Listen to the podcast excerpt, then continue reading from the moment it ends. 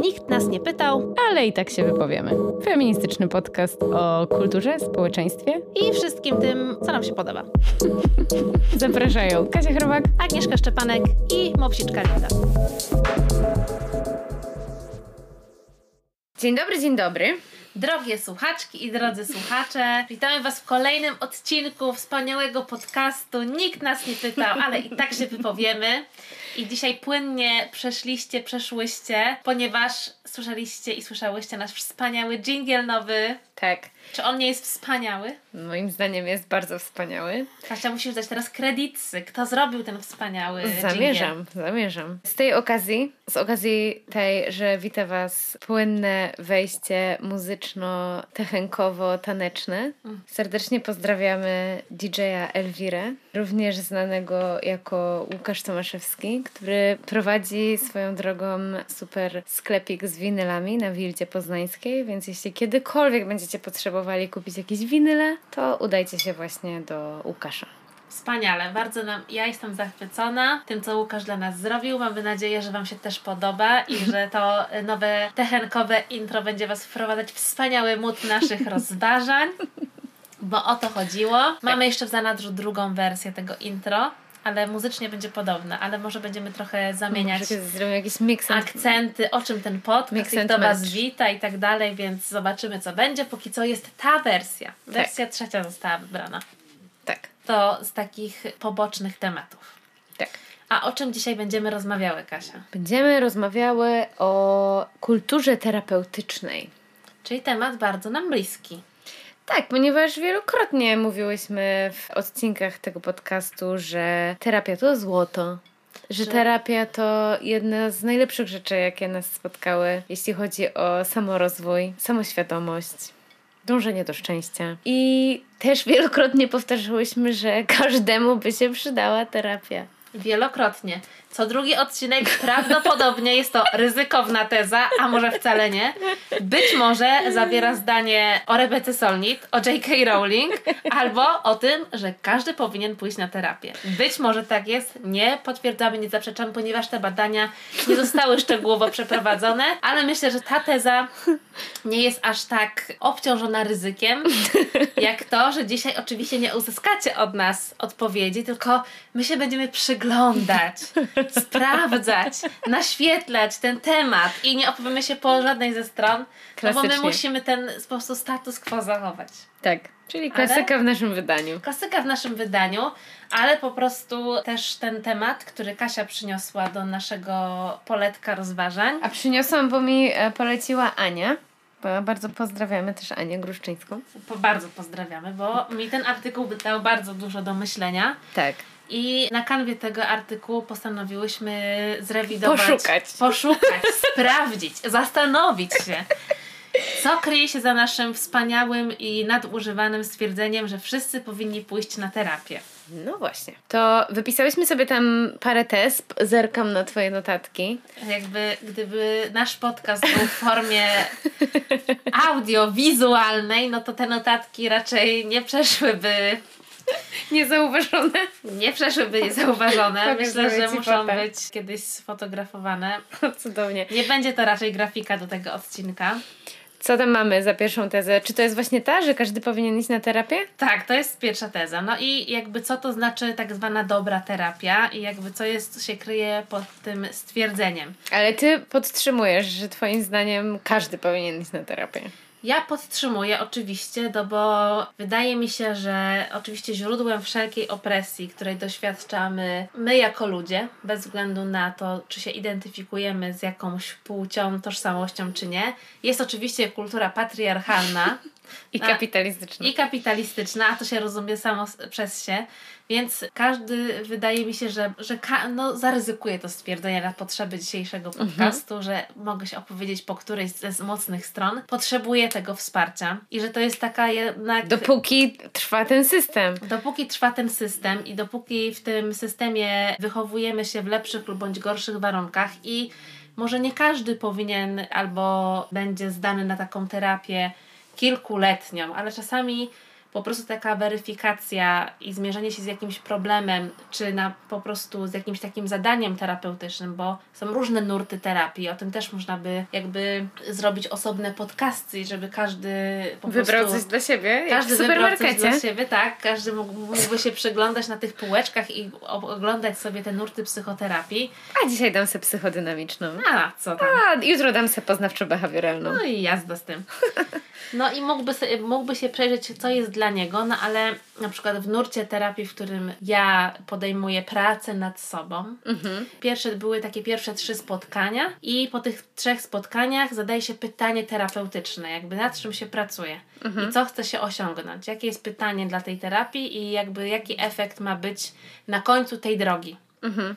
No i wydaje mi się, że to mogą być takie zadania długofalowe, jeżeli chodzi o pracę nad tym pytaniem terapeutycznym, czy tym, czego, co się chce osiągnąć, bo można przyjść z przepracowaniem, z pracoholizmem, a można przyjść z jakimiś takimi rzeczami, które długo w nas siedzą i potrzebujemy je gdzieś tam opowiedzieć sobie, przyjrzeć się im i zobaczyć jakby, jak my się tak naprawdę z tym czujemy, bo to było tak długo i głęboko w nas, że już wybucha i nie można dłużej. Mhm. Więc są różne strategie. No ale to, o czym. Ale czy naprawdę jesteś zdania, że każdy powinien iść na terapię?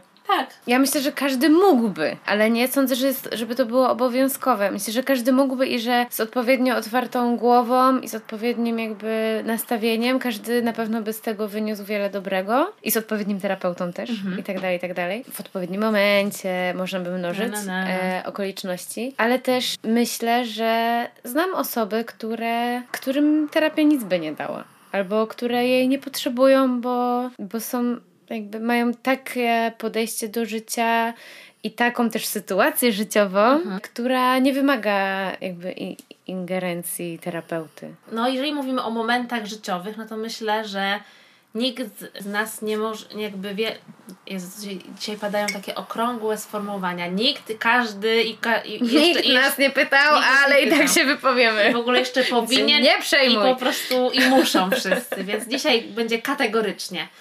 Więc ja myślę, kategorycznie stwierdzam, że niestety nie ma w życiu tak, że możemy powiedzieć sobie, że było zawsze na tyle wspaniale, że nie potrzebowało się wsparcia. I nie mówię, że nie myślę sobie o terapii jako takiej terapii, która po prostu ma odmienić życie, ale są takie momenty, kiedy po prostu na przykład takie wsparcie jest potrzebne. I oczywiście my sobie jakoś poradzimy, bo ludzie sobie radzą jakoś. Nie każdy ma przywilej, o, o czym często mówiłyśmy, chodzenia na terapię, bo ten przywilej jednak wiąże się bardzo, jest związany z kapitałem, który posiadasz i z tym, że po prostu cię stać na tę terapię, bo umówmy się, że oczywiście to też jest jakiś taki trochę mit, że tych miejsc nie ma i że na NFZ to nie wiadomo ile czekasz i pewnie w 90% przypadków tak, ale też niejednokrotnie słyszałam, że to wcale nie jest prawda, że tak długo trzeba czekać i że to wszystko zależy od jakiegoś momentu. Tak, ja więc- dementuję to. Ja chodziłam na terapię na NFZ i, I że są takie jestem z niej zadowolona.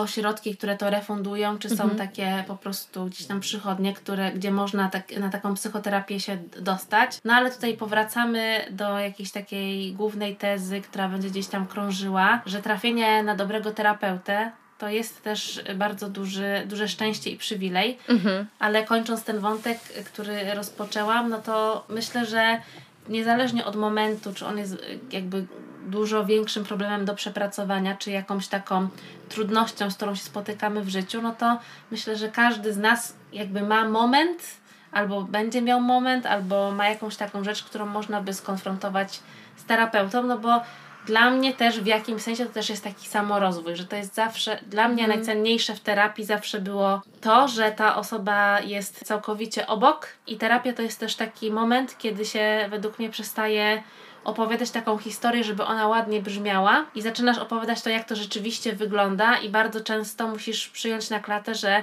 w tej historii, którą chcesz opowiedzieć, no niestety musisz opowiedzieć, że ty jesteś tym złym charakterem albo tym, który po prostu trochę No ale to po Blado wypada. spotkaniach terapeutycznych. Ja pamiętam pierwsze swoje zetknięcie się z terapią i to jak, no dobra, to opowiem trochę, to nie do końca, a jak mam to powiedzieć, albo że szłam na terapię i się zastanawiam, jak mam to powiedzieć, żeby to nie zabrzmiało tak źle i to jakby dopiero w pewnym momencie pęka to Oczywiście. ta skorupa, no nie? I dopiero dopuszczasz do siebie tę prawdę. Że tak na naprawdę jest ciężko samemu przed sobą przyznać te rzeczy. No oczywiście, że tak, dlatego wydaje mi się, że taka jakby ja też y, ostatnio powiedziałam mojej terapeutce, że ona jest dla mnie taką myślodsiewnią.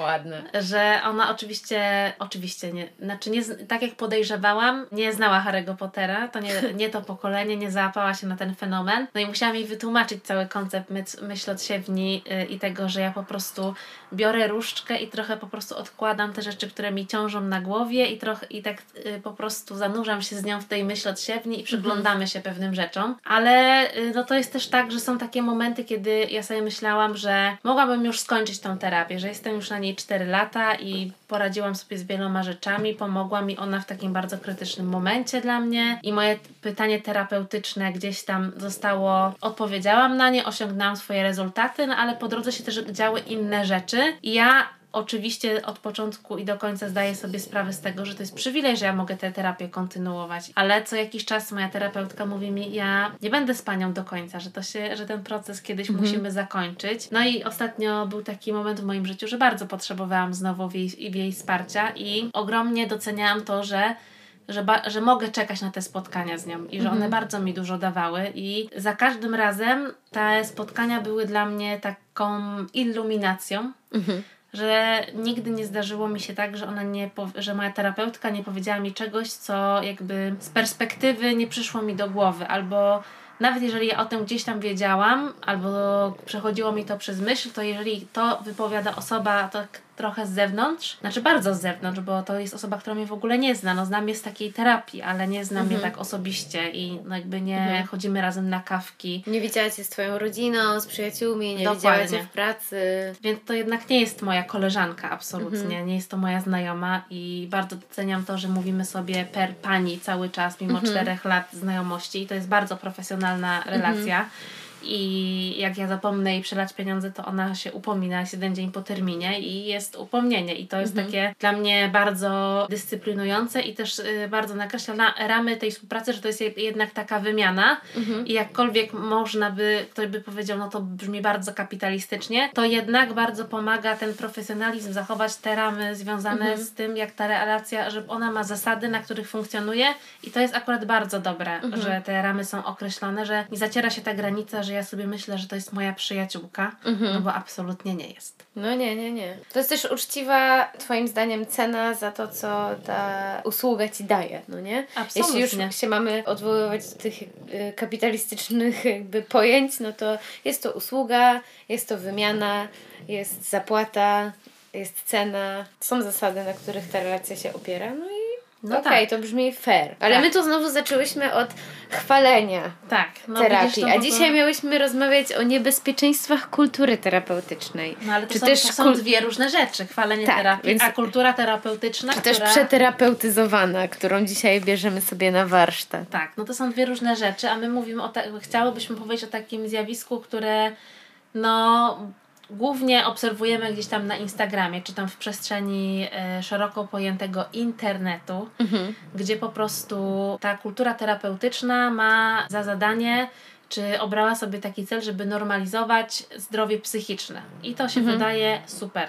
Zarąbiście. Mhm. I wydaje mi się, że. No ja jestem totalnie sprofilowana pod ten algorytm. Jak ja sobie klikam lubkę na Instagramie, to mam bardzo dużo posty, postów o tym, jak radzić sobie z anxiety jak to się mówi po polsku? Niepokojem? Niepokój, tak. I o tym, że jak jest ci smutno, to pozwól sobie być smutną. I albo 10 oznak, czy już powinieneś iść do lekarza i jakieś takie posty, więc ja jestem totalnie pod tym profilem. Te, albo teraz w, w czasach wojny na Ukrainie, jak pomagać albo jak rozpoznać, że Twoje pomaganie jest jednak interesowne, a nie bezinteresowne. Mm -hmm. No i wydawać by się mogło, że to są wszystko takie w ogóle świetne rzeczy, że dobrze, że są w przestrzeni internetu i że gdzieś nam przewijają się w takim codziennym feedzie. No ale autorka artykułu, który zwrócił naszą uwagę i był bardzo krytyczny wobec kultury terapeutycznej i nawet gdzieś tam diagnozując to jako takie społeczeństwo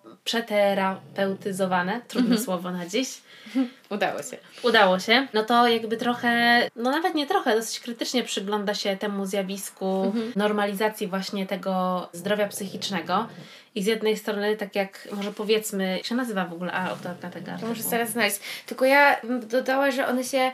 Że ta normalizacja to jest zdaniem jest okej, tylko że ona mówi o innych Ona nie jest cechach. niewinna. Właśnie, że i o pewnych ryzykach, które ze sobą niesie po prostu ten rodzaj instagramowego feedu, albo właśnie ten rodzaj prowadzenia narracji, no nie? Mhm. Taki, taki no właśnie gdzieś tam do tej terapii cały czas i do tych pojęć się odwołujące, a niekoniecznie na przykład, nie zawsze na przykład operujący poprawnie pojęciami, no nie? Więc to, to są pewne ryzyka. Więc autorką artykułu jest Gabriela Lisowska i można przeczytać ten artykuł e, na stronie magazynkontakt.pl i nazywa się Na Instagramowej kozetce Niebezpieczeństwa internetowej kultury terapeutycznej. Tak. Jakie widzisz, Agnieszko, niebezpieczeństwa tego zjawiska? No, niebezpieczeństwa, na które ona zwróciła mi uwagę, a które jakby gdzieś tam powiedziały mi, w mojej głowie zapaliła się lampka, mówię, ej, faktycznie tak jest. Jest to, że ta pula zaburzeń czy chorób związanych ze zdrowiem psychicznym, które normalizujemy, jest dosyć, dosyć ograniczona. I oczywiście mówimy o stanach lękowych, o depresji, o zaburzeniach odżywiania, ale nie mówimy na przykład już o schizofrenii. Nie mówimy o mm, jakichś zaburzeniach związanych z, y, z wydalaniem kału, bo to już nie są za bardzo instagramowe rzeczy, bo to są takie rzeczy, które gdzieś tam myślimy sobie, że wymagają większych kompetencji, bo myślimy sobie, że no schizofrenia, no to jednak myślimy sobie kaftan i już w ogóle okrop i w ogóle mamy całą lawinę w głowie filmów, y, które ten temat schizofreników jednak mieszały gdzieś tam z kryminalnymi opowieściami, y, morderstwami i innymi rzeczami. I Okropne rzeczy, nie? Tak. Tymczasem schizofrenia akurat jest taką chorobą, którą należałoby odkłamać, bo, bo ze schizofrenią bardzo wiele, wiele osób. bardzo wiele osób i też ze schizofrenią da się funkcjonować, jeżeli jest ona odpowiednio leczona, nie? Można wieść normalne, szczęśliwe życie. Tak, no i ona y, gdzieś tam opowiada y, w swoim artykule y, taką ma związaną z tym, że no to, co się niełatwo opowiedzieć i niełatwo z, z, na tych obrazkach karuzelowych, często różowych, z brokatem, czy na jakichś grafikach y, związanych z na przykład starymi hollywoodzkimi produkcjami, co się niełatwo opowiada, nieładnie op- opowiada, no to jak gdzieś tam nie pasuje do tego feedu. Ale też takie zaburzenia związane z, z właśnie z depresją, stanami depresyjnymi, lękowymi, no to gdzieś tam jest takie przyzwolenie, żeby je trochę diagnozować u siebie i żeby po prostu przyglądać gdzieś tam się sobie, żeby po prostu, że z jednej strony mamy taką, jakby to powiedzieć, mamy taką opowieść o tym, że obchodzimy ten Światowy Dzień Depresji i wszyscy sobie mówimy, nie jesteś sam, nie jesteś sama. Mówimy o tym, żeby nie bać się mówić o tym, że czujemy się źle, że, mo- że mamy prawo czuć się źle, że nie musimy być wiecznie szczęśliwi i szczęśliwe i mamy prawo do tego, żeby to, co się dzieje na świecie na nas wpływało, czy w naszym osobistym życiu, czy takim globalnym sensie, bo jesteśmy na przykład osobami wysoko wrażliwymi. To jest w ogóle kolejny trend na Instagramie, że każdy się diagnozuje. No ale właśnie ona o tym mówi, że jakby ta diagnoza przez media społecznościowe i diagnoza sprowadzona do kilku grafik karuzelowych no jest bardzo niebezpieczna, no bo jednak to nie jest wiedza specjalistyczna. Każdy przypadek jednak powinien być diagnozowany osobno i no nie każdy z nas cierpi na depresję.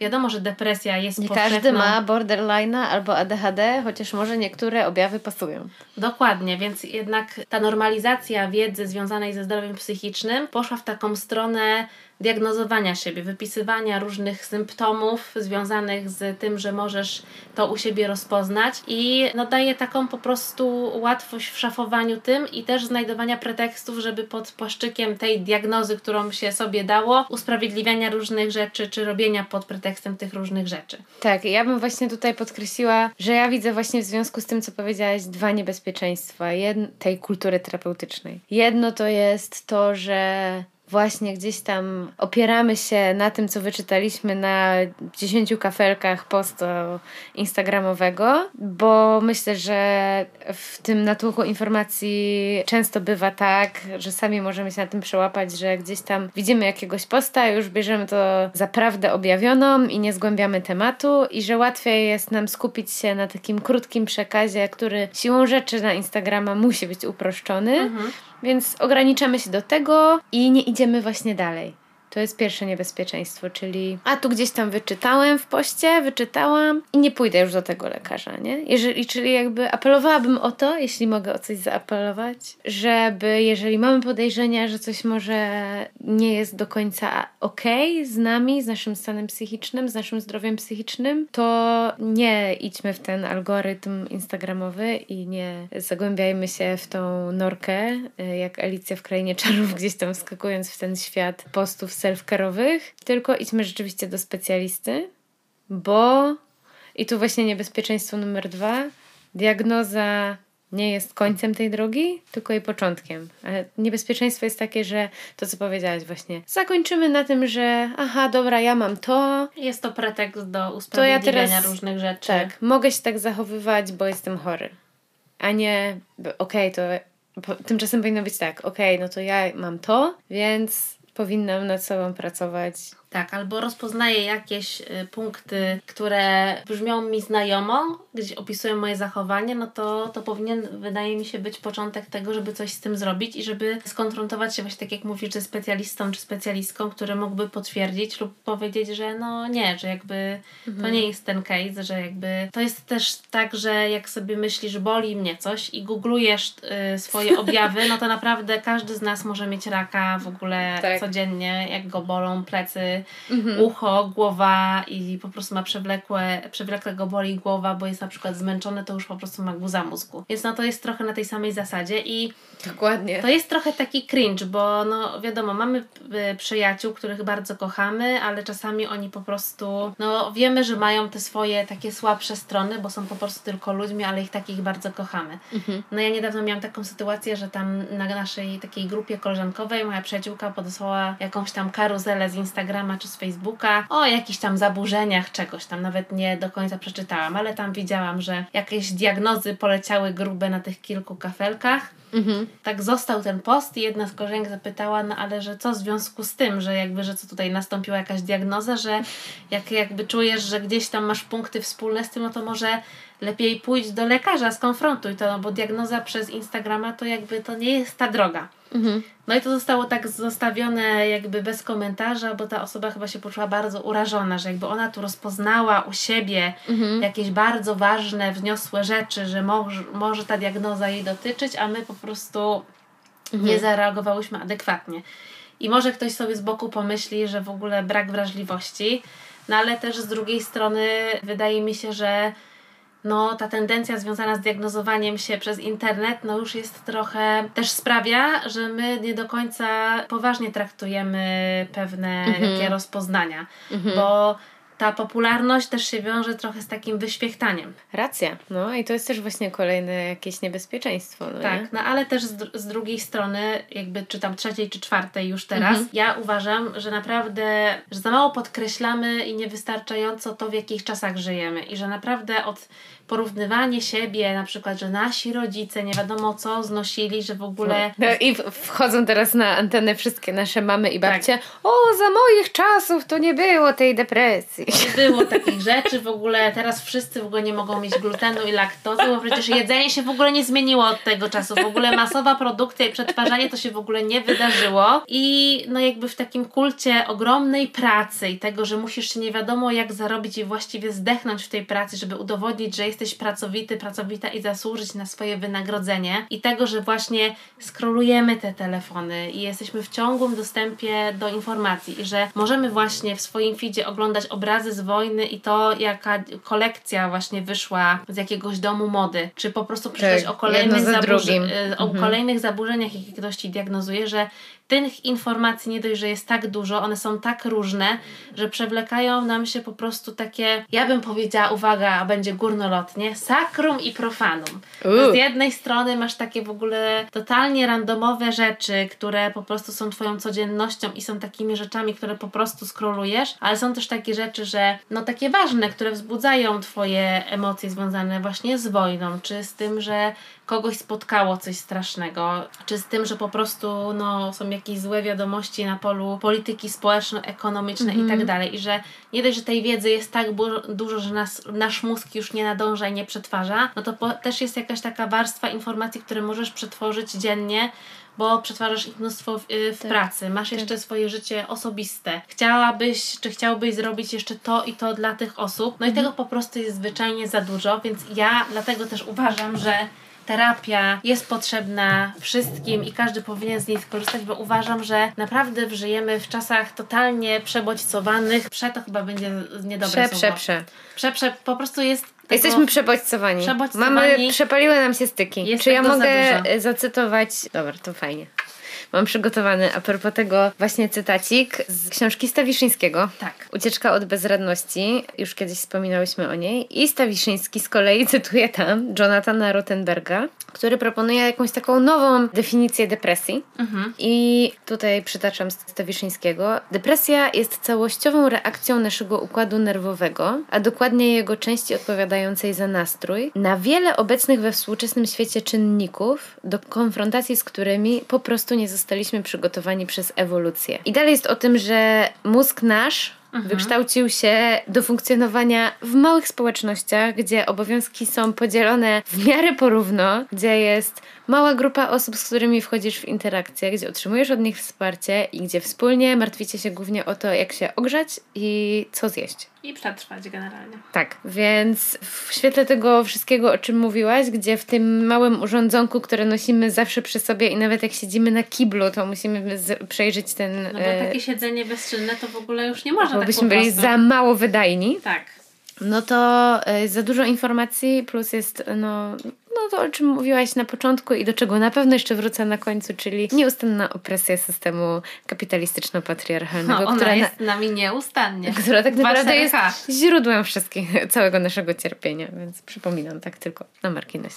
Tak w ogóle, jakby dzisiaj jeszcze nie padły te słowa, to chciałybyśmy przypomnieć, co jest źródłem naszego cierpienia. Dzisiaj Kasia w ogóle przed nagrywaniem mówi, a wiesz, co jest źródłem naszego cierpienia?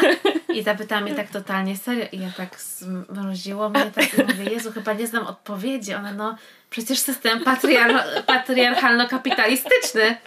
Ja mówię, Proste. aha, girl, ona jest ciągle to samo.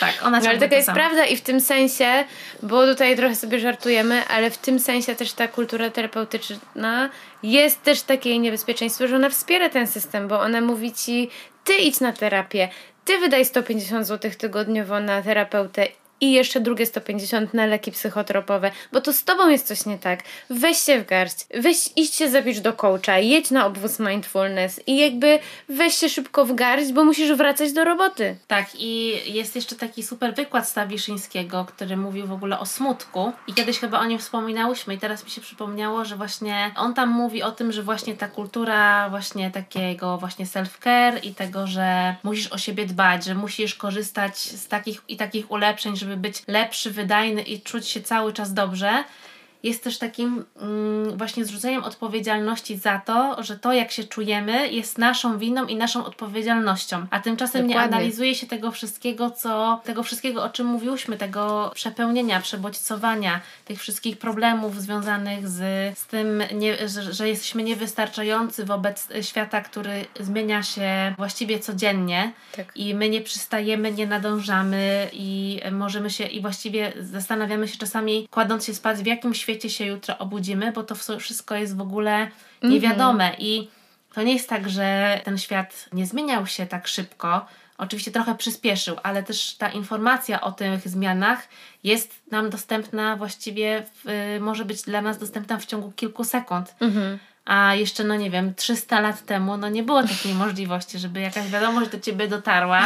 To nie było po prostu, wiecie, no, pisania na Whatsappie. I w tym sensie może maili, rzeczywiście za dzwonienia. ich czasów nie było takiej epidemii depresji, no, No, nie? być może. Możemy zaryzykować to stwierdzenie. Myślę, że możemy. Chociaż tutaj z małą gwiazdką, że bardzo ryzykujemy to stwierdzenie, żeby jednak nie upraszczać i jakby gdzieś tam nie No tak, ale- odbierać komuś. Okej, jest to uproszczenie, ale ono nie jest głupie, w sensie takim, że... Bo Stawiszyński też pisze w tym rozdziale, z którego ja przytoczyłam cytat, a który swoją drogą jest inspirowany wykładem, o którym ty mówisz, czyli to jest rozdział z jego książki Ucieczka od bezradności, a ten rozdział się nazywa Ucieczka od smutku chyba. No i on też pisze o, na przykład o tym, że wiesz, że kiedyś, kurde, dłużej się przeżywało żałobę, no nie? Że to było normalne, że, że żałoba jest, tak? I że w tym czasie po prostu człowiek jest mniej aktywny. I to było normalne, a teraz już Tak, a teraz- wymaga się od nas, że szybko staniemy na nogi, no Że nie? musisz stanąć, że pogrzeb i teraz szybko, szybko już Tak. jedziesz z tematem, że po prostu I jeszcze chwalimy. O Jezu, jak szybko się ogarnęłaś. No jakby... Czy nie- naprawdę? Nie mamy takiego, nie dajemy sobie trochę miejsca na to, nie? I jest taka trochę presja pozytywnego myślenia. Stay positive, good vibes only, positive Tak. attitude i w ogóle super, nie? Tak, no ja miałam ostatnio taki moment w życiu, kiedy musiałam sobie pozwolić na żałobę. I jak byłam w takim bardzo złym momencie, to dużo osób mi mówiło, że to minie, to niedługo minie, daj sobie czas, że to przecież będzie, za chwilę będziesz się czuła lepiej.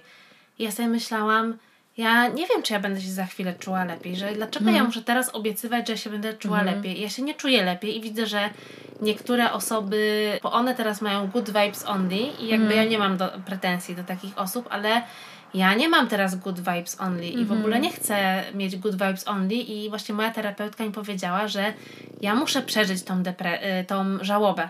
Że żałoba to jest czas i muszę sobie na to pozwolić. I będą momenty, kiedy ta żałoba będzie jakby mniej nasilona, a będą takie, że będzie po prostu młotek na głowę pukał i powiedział: Halo, musisz jeszcze to przeżyć. No.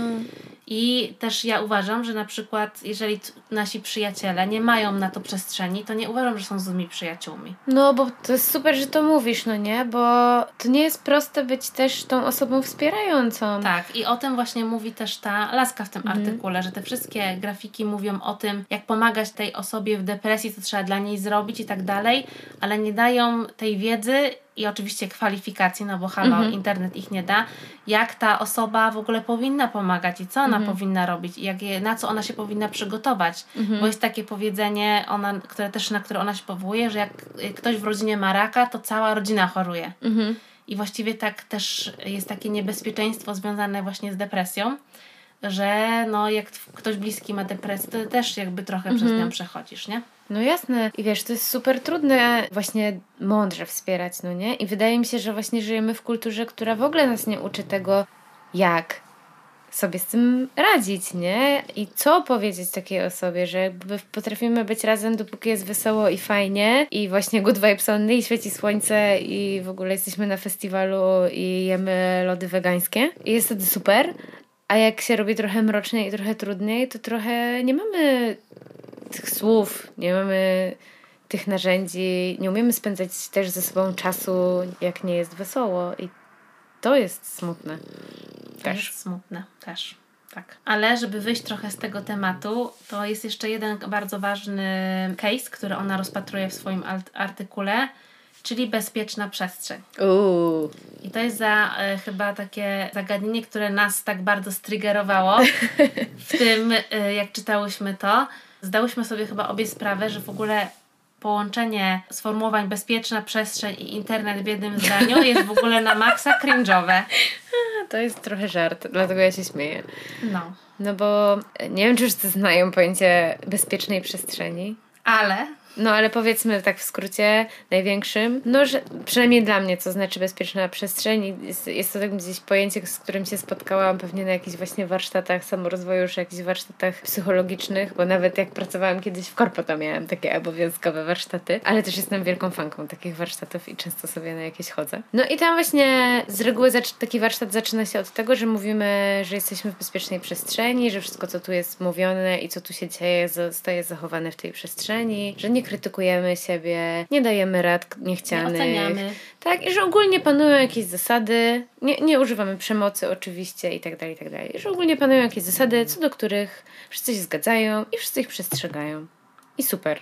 Jak jesteś w pokoju z dziesięcioma osobami i które no jakby przeznaczyły swój czas i są też w jednym celu z tobą w tym pomieszczeniu. Ale w internecie? Raczej nie zamyka się on do 10 osób, chyba że prowadzisz fanpage'a Linda z kokardami.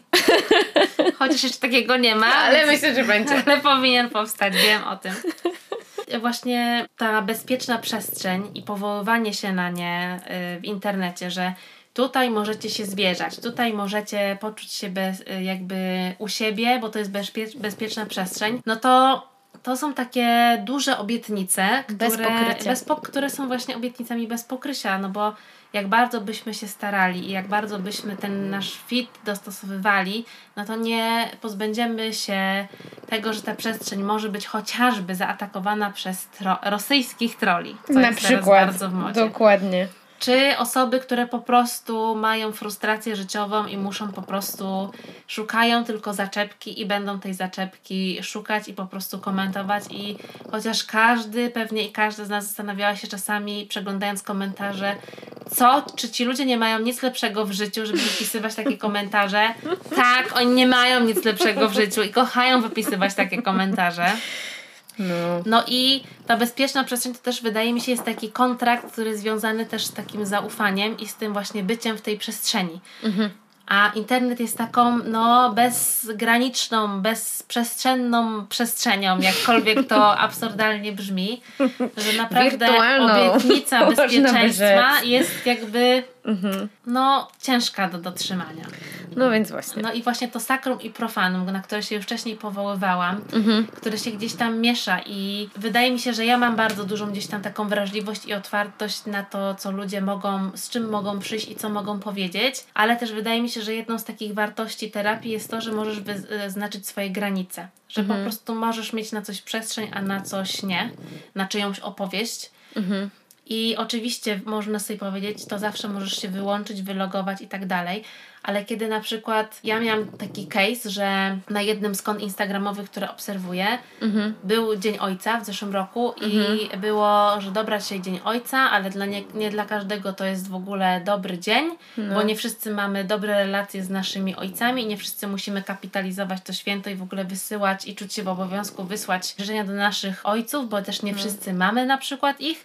No I wydaje mi się, chciałam że... powiedzieć, że dla mnie to też Tak. jest smutny dzień, bo ja nie mogę mojemu tacie złożyć życzeń. I to jest tak, że no, można by zakończyć tym komentarzem, ale na przykład było takie okienko, że można wypisywać, opisywać swoje złe doświadczenia, czy przykre doświadczenia, związane właśnie z tematem traumatycznych przeżyć z ojcem i dla mnie to był trochę duży cringe, że jakby to nie, że jakby ja właśnie nie czułam, że to jest wypowiadane w bezpiecznej przestrzeni, że to może zobaczyć każdy i chociaż jest to konto Tak. sprofilowane do osób, które jakby interesuje tego typu content. Oczywiście jest to anonimowe, no to jednak to są takie rzeczy, które gdzieś tam przeskakujesz po tych Insta Stories i potem widzisz takie rzeczy, że to jest jednak dużo, uważam. No pytanie też na ile to jest anonimowe, jeśli masz swoje konto ze swoją twarzą, wiesz, mailem Tak, podpiętym ale i udostępnianie tak odpowiedzi no jakby Okej. nie jest anonimowy dla osoby, której to piszesz. A to było w storiesach. Ale i to jest, okej. tak, ale jeżeli ktoś to udostępnia, no to to jest anonim, Mhm, anonimowe dla odbiorców, nie? Mhm. No, ale no to jest też, no jest to, uważam, no gdzieś takie, że No z to- jednej strony budzi to takie moje, że te osoby zostają z tym same potem z tą traumą i czasami takie wypowiedzenie może też być dla kogoś tą terapeutyczne, ktoś z siebie coś wyrzucił, Wyrzucił, no. i jakby Pierwszy może- raz o tym komuś powiedział. na przykład. Ja nie mam zaufania do mediów społecznościowych i to jest chyba Mhm. to, co jakby mi w tym przeszkadza, że ta przestrzeń po prostu, która może być też dla kogoś właśnie wyzwalająca, może być właśnie tym takim punktem zwrotnym, czego Mhm. ja po prostu może nie rozumiem, to ja po prostu mam takie po prostu chyba boomerskie obawy, że to dla mnie nie jest bezpieczna przestrzeń i to Mhm. po prostu dla, we, we mnie się budzą wszystkie te obawy związane z tym, co mogłoby się złego stać z tym i Mhm. że to nie jest właśnie safe space, tylko ale może to jest właśnie, może jestem właśnie boomerką. Ty jesteś e, milenialsem, a nie boomerką. Tak? Przypominam ci. A do twojego pytania wracając, no to wiesz, no każdy ma różne potrzeby. Może tak jak mówisz, dla kogoś to jest moment olśnienia, nie? Tylko mnie bardziej zastanawia ta inna rzecz, którą powiedziałaś. Co się dzieje dalej z tym wyznaniem mhm. i czy ta osoba, która to wyznała, nie zostaje z tym sama, nie? A może myśli, okej, okay, wyrzuciłam to z siebie, to już starczy, to już wykonałam tę pracę, nie? Podczas gdy, no, my obie wiemy, że praca nad sobą zajmuje, jest procesem. Jest. Zajmuje w najlepszym przypadku kilka tygodni, częściej kilka miesięcy, a najczęściej kilka lat. I tak. na przykład wymaga spotkań nie z jednym terapeutą czy terapeutką, tylko z kilkoma, bo na przykład nie z pierwszym terapeutą zaskoczy. Nie? Tak, no i też w morzu terapeutów, terapeutek dostępnych od teraz, od zaraz jest też dużo osób, które no nie, ma, nie są do, kompetentne i nie są, mogą zrobić też krzywdę nieumyślnie. Mhm. I no, trafienie na dobrego terapeutę, który rzeczywiście na przykład ma informacje, w jakim nurcie pracuje mhm. i też w tym nurcie jakby y, też przedstawia ten nurt i opowiada o nim i pyta, czy jest jakby zgoda na tego typu pracę, no to są takie gdzieś tam znaki, które powinny nam gdzieś tam dawać informacje, że mo jesteśmy może w dobrym miejscu i tak dalej, mhm. nie? I jeżeli są jakieś takie rzeczy związane z tym, że coś budzi nasze, zapala nam się na przykład czerwona lampka, no to trzeba o te rzeczy pytać. Nie mhm. można się na nie zgadzać i myśleć, że tak powinno być. Trzeba się konfrontować z tymi rzeczami. Mhm. I tak jak teraz sobie jeszcze pomyślałam o jednej takiej rzeczy, jak można mhm. mówić wszyscy powinni iść na terapię i w ogóle każdy, że każdy w jakimś swoim momencie życia pewnie będzie potrzebował terapii, no to samo to, że ktoś pójdzie na terapię, to jest to w ogóle, to jest może jakaś tam mały, to jest to jakiś sukces. Mhm. Ale no, przyznajmy go, no bo niektórzy no potrzebują dużo, pra- y, dużo, muszą się zebrać na tę odwagę. Mhm. Ale tak naprawdę dopiero praca na tej terapii i przyznanie się, że na przykład problemem nie jest cały świat, tylko na mhm. przykład ja dla siebie jest, jestem mhm. problemem mhm. i stwarzam te problemy. Mhm. I nie skupianie się nad sobie i że praca nad mhm. sobą to nie oznacza, że skupiam się wyłącznie na sobie i na swoich potrzebach. No to są takie jakby przebłyski, które do nas dojdą po jakimś czasie. Mhm. I to że pójście na terapię nie oznacza, że wykonujesz pracę na tej terapii, że mm. naprawdę trzeba podejmować wysiłki związane z tym, żeby na przykład postępować inaczej niż się dotychczas postępowało, bo -hmm. na mhm. przykład y, terapeuta czy terapeutka mówi ci, no to, że pani czy pan postępował tak i tak w danych sytuacjach nie przyniosło niczego dobrego, -hmm. więc w ramach ćwiczenia -hmm. zachęcam, żeby jak się taka sytuacja przytrafi, postąpić inaczej. Mhm. Wydaje się nic lepszego. No to proszę, znajdźcie się w tej sytuacji i może macie postąpić zupełnie inaczej niż zwykle to robicie. No w ogóle mhm powodzenia. Jeszcze naprawdę... jesteście na fali emocji, bo na przykład jest to sytuacja dla Was trudna i już Was unosi gniew albo cokolwiek i po prostu wpada się w te stare przyzwyczajenia. No tak, nie? i to bardzo jest... trudno z nich zrezygnować mm. i no to, to jest właśnie ta praca i to jest też właśnie ta konfrontacja związana z tym, że to jakby ja mam wpływ na swoje zachowania i na to, jak się zachowam i co będę robić. Nie mam wpływu na innych ludzi, mhm. ale na siebie mam. Mhm. I ja mogę zmieniać te rzeczy. No i to są takie kwestie związane z tym, że no to nie jest proste. Mhm. Ale a propos jeszcze, to. Co tam mamy jeszcze na karteczce? Mamy jeszcze takie bardzo cringe'owe zdanie, które gdzieś tam się przewijało w internetach i na które zwróciła autorka artykułu uwagę, że relacja z terapeutą to jest pierwsza zdrowa relacja, którą będziesz mieć w życiu. Zostawiam ci to do pastwienia się. No to co ja mogę na ten temat powiedzieć? Jeżeli tak jest w istocie, no to jest to mega przykre. Agnieszka mnie właśnie zostawiła i poszła do toalety, więc ja coś e, się będę teraz wymądrzać. No jeżeli tak jest w istocie, to to jest rzeczywiście niewesoła sytuacja. To po pierwsze. Po drugie, no relacja z terapeutą jest relacją specyficzną. No, nie jest to nikt z naszej rodziny, nie jest to nasz przyjaciel. Jest to relacja z lekarzem, jakby nie patrzeć, lub właśnie jakby relacja, która nawet jeśli nie jest to lekarz, a jest to terapeuta, no to jest to relacja lecznicza i mająca coś uzdrowić. I też profesjonalna. Tak, o Agnieszka wróciła. Ale szybki sik. Bardzo. No i jest to też relacja, w której ta osoba właśnie ma za zadanie wysłuchać nas, nie oceniać nas, to jest jej job i dostaje za to pieniądze, więc to wszystko jakby tytułem wstępu. A po drugie, to, że ktoś jest terapeutą czy lekarzem, to jeszcze nie oznacza, że jest super człowiekiem. I może nam nie być tą osobą po drodze, nie wiem, światopoglądowo albo na poziomie energii czy vibe'u, czy na poziomie, nie wiem, nawet słownictwa. I miałam też takie sytuacje, że miałam niby spoko terapeutkę, ale no coś tam nie klikało i po prostu nie mogłyśmy się dogadać. Mhm.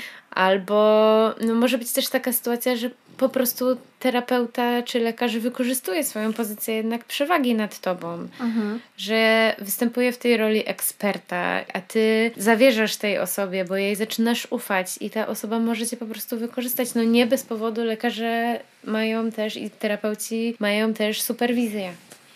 Tak? I są takie sytuacje, gdzie po prostu no, nie zachowują się w porządku, albo na przykład wiedzą już, że już mógłbyś zakończyć proces terapeutyczny, mogłabyś go spokojnie zamknąć i iść dalej, ale no, jeszcze trochę cię coś się z tobą pospotykają, no bo w sumie płacisz regularnie pieniążki, jest okej. Tak, no ale też ta superwizja jest potrzebna, wydaje mi się, dlatego, że terapeuci i terapeutki, psychiatrzy i psychiatry, psychiatrynie, możemy ukuć to nowe słowo, bo język jest przecież Plastyczny. plastyczny jest dla nas, po prostu też są ludźmi. I Tak, tak. mimo tego, że mają oczywiście z latami praktyki doświadczenie, to nie znaczy, że te rzeczy tak po prostu spływają po Mhm. nich. I są też po prostu takie przypadki, gdzie na przykład, no, znam takie opowieści, że niektórzy wiedzą, że już nie pomogą tym pacjentom. Mm. Że po prostu to czasami wiesz to od początku, albo wiesz, że będzie bardzo trudno. I to są takie no, trudne opowieści. Czasami ludzie przychodzą z bardzo ciężkimi historiami, historiami i to po prostu no, trzeba też po prostu mieć gdzieś przestrzeń i energię na to, żeby to wszystko gdzieś tam w sobie pomieścić i to przetrawić. I ja też wiedziałam, że na przykład do mojej terapeutki było bardzo trudno się dostać, bo ona ma ograniczoną liczbę osób, z którymi pracuje na stałe.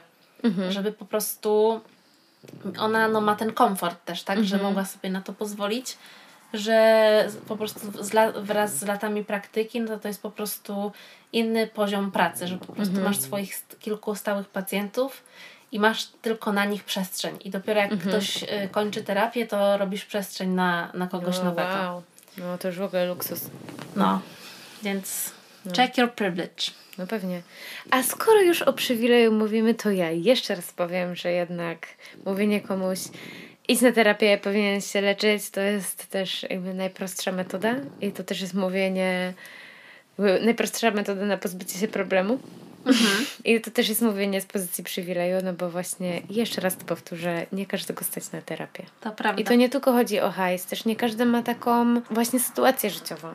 No nie? Nie każdy No, jest tak gotów, nie każdy ma wsparcie w swoim środowisku. Nie, są osoby, które muszą ukrywać fakt przed swoimi bliskimi, na przykład, że chodzą na terapię albo że są w procesie. No nie? Więc to też. Tak, no na pewno też bardzo pomaga taka otwartość związana z tym, że możesz po prostu rozmawiać ze swoimi bliskimi i mówić otwarcie o tym, że na przykład w pracy nawet, że nie wymykasz, muszę dzisiaj wcześniej iść, bo mam lekarza, Mhm. bo to, że idziesz do dentysty, ginekologa i tak dalej, powiesz bez zająknięcia, ale to, że idziesz na terapię, no No, to, ginekologa?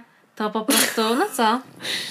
No my tak, ale wiesz, nie No. każdy. No nie każdy, no ale to ze swojego doświadczenia. To sobie, to jednak powiedzenie, że idziesz na terapię jest związane z tym, że ktoś może od razu sobie pomyśleć, oho, tu jest jakiś problem. No, A to no, jest no. po prostu dbanie, to jest self-care. Ale ten self-care oczywiście jest też tricky.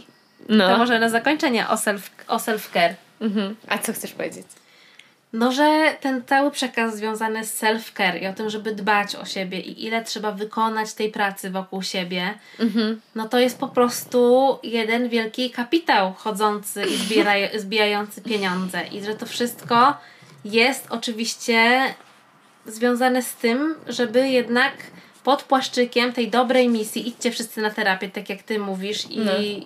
Zgadasz gdzieś się tam ze mną, to jednak zwracasz mi uwagę halo, halo, nie No. każdego na to stać i tutaj się ujawia pewien klasizm. I z drugiej strony ten self-care, dbanie o siebie i to, że ile trzeba tych operacji wokół siebie wykonać, żeby po prostu osiągnąć tę pełnię tego self-care'u, no to jakby ktoś w końcu się zorientował, że na tym można zarobić.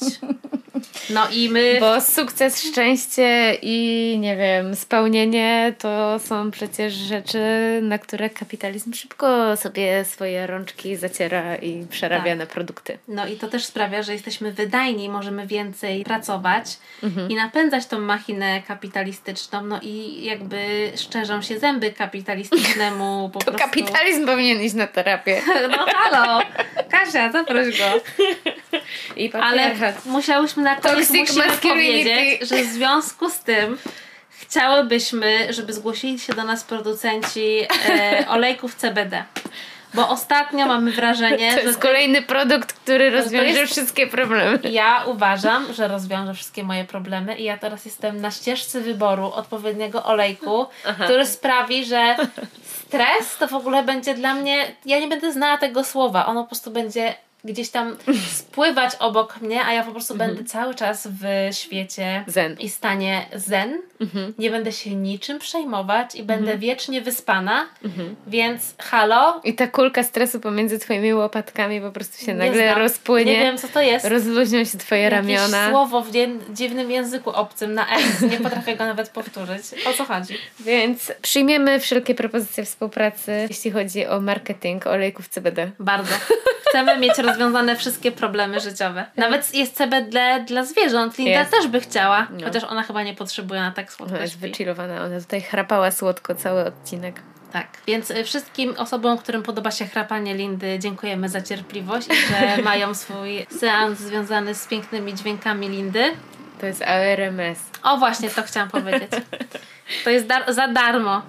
Gratis Ale olejki nie są. To jest kolejny kapitał. To No. co, dziękujemy? Dziękujemy i oczywiście pozostawiamy Was z, pól, z pulą pytań y, bez odpowiedzi. No, oczywiście. No ale co, w naszym stylu, nie? To do następnego. Do następnego. Producentem podcastu jest Estrada Poznańska. Wszystkie odcinki znajdziesz na estradapoznań.pl.